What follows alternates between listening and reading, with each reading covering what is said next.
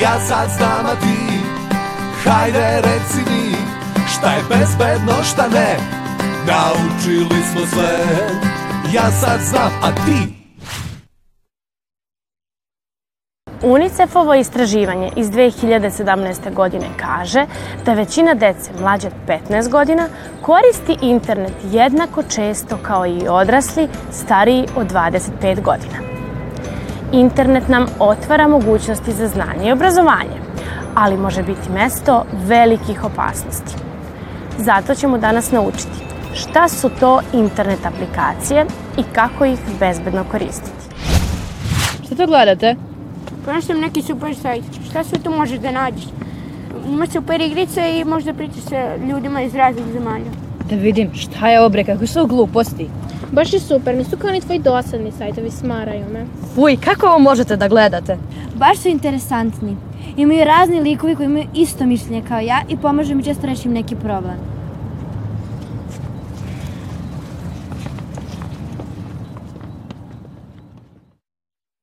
Jeste li je vidjeli negde? Ni, uopšte mi ne odgovara na poruke.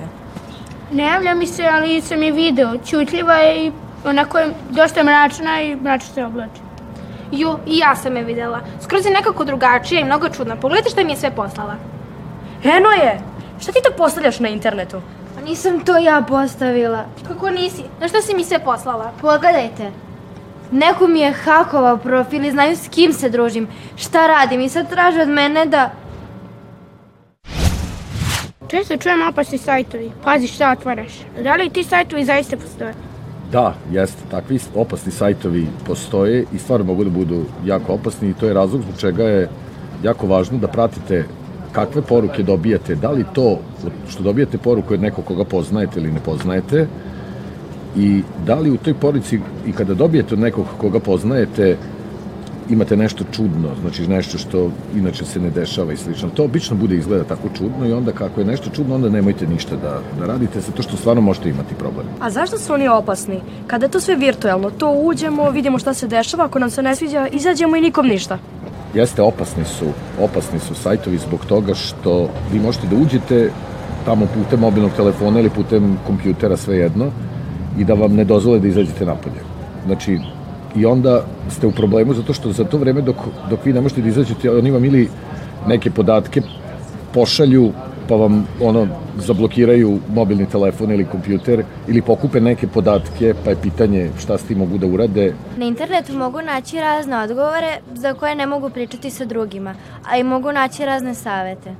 Nažalost, na internetu se nalazi jako puno informacija koje baš nisu skroz tačne. I onda je jako važno da, da naučite kako da kada dođete do nekog ovaj, sajta ili do nekog, neke aplikacije ili tako dalje, da proverite šta drugi misle o tome svemu. Znači, da li su ti sajtovi stvarno, da li je taj sajt stvarno daje informacije koje bi trebao da daje ili ne. Iz tog razloga je najbolje kad naročito kada se nešto jako interesuje, i ako je tematika s kojom nećete s drugim da pričate, pronađite nekoga od starijih s kim možete da pričate da vam oni preporuče koje sajtove, naročito za nešto što, što smatrate da vam je onako teško ili da nećete s nekim da pričate i slično. Kako da ih prepoznamo? Sajtovi koji, ili bilo koje mesto, ili aplikacije koje mogu da vam naude, e, na njima se nalaze tako neki sadržaji koji su napisani ili izgledaju na nivou videa ili slično, na način koji, koji ćete primetiti nešto vam je čudno. Znači, jako je važno da kada gledate ili čitate sadržaje na internetu, da se sve vreme pitate je li je to pitanje koje sam ja postavio, da li je to odgovor i da li je ovo meni nešto čudno i da li bi ja tome trebao da verujem. Ako to, ako to krenete suviše da postavljate, takvo pitanje, da vam je nešto čudno, vrlo je verovatno da je u pitanju neka prevara. Da li postoji neka zaštita od njih? Najbolja zaštita je u osnovi podredi broj 1 je da budete oprezni, da slušate sebe, znači kada krenete tako nešto gledate, da slušate sebe i da vidite da li tu vama nešto smeta ili ne, da vam je čudno i slično. To je redni broj 1. Redni broj 2 je zaštita da krenete da učite šta znači sadržaj koji vi trebate da gledate, znači koji vas treba da interesuje, koji vi trebate da gledate. Oblast se zove medijska pismenost. Znači kako da naučite da ocenite da li kada ste došli negde, da li je to nešto što vama treba ili ne, i da li je to to što ste vi želeli ili niste želeli. Ali to, nažalost, mora posebno da se uči. Ako primetim da se nešto čudno dešava na mom profilu, kome da se obratim? Pod rednim broj 1 nemojte se bojati da se obratite roditeljima. I to je možda i najbolja varijanta. Znači, nemojte se bojati, čak i ako je neki problem vezano za, ne znam, neko krene da vas tamo spopada koga poznajete, pa vam je neprijetno i slično, roditelji su prvo kome trebate da se obratite.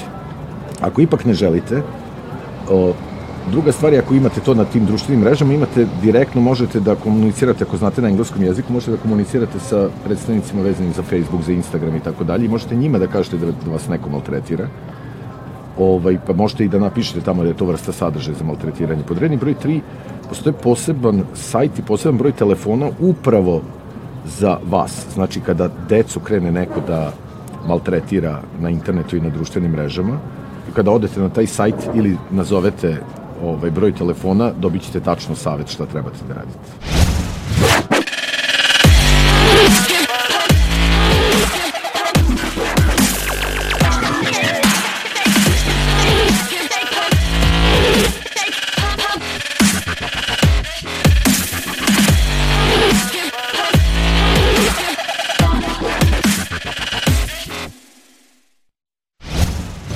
Da li ste znali da čak 29% mladih u svetu uopšte nije povezano na internet? Da ponovimo, internet ima svoje dobre i svoje loše strane. Zato ga treba koristiti sa znanjem da biste uvek ostali bezbedni. Ja sad znam, a ti Hajde reci mi Šta je bezbedno, šta ne Naučili smo sve Ja sad znam, a ti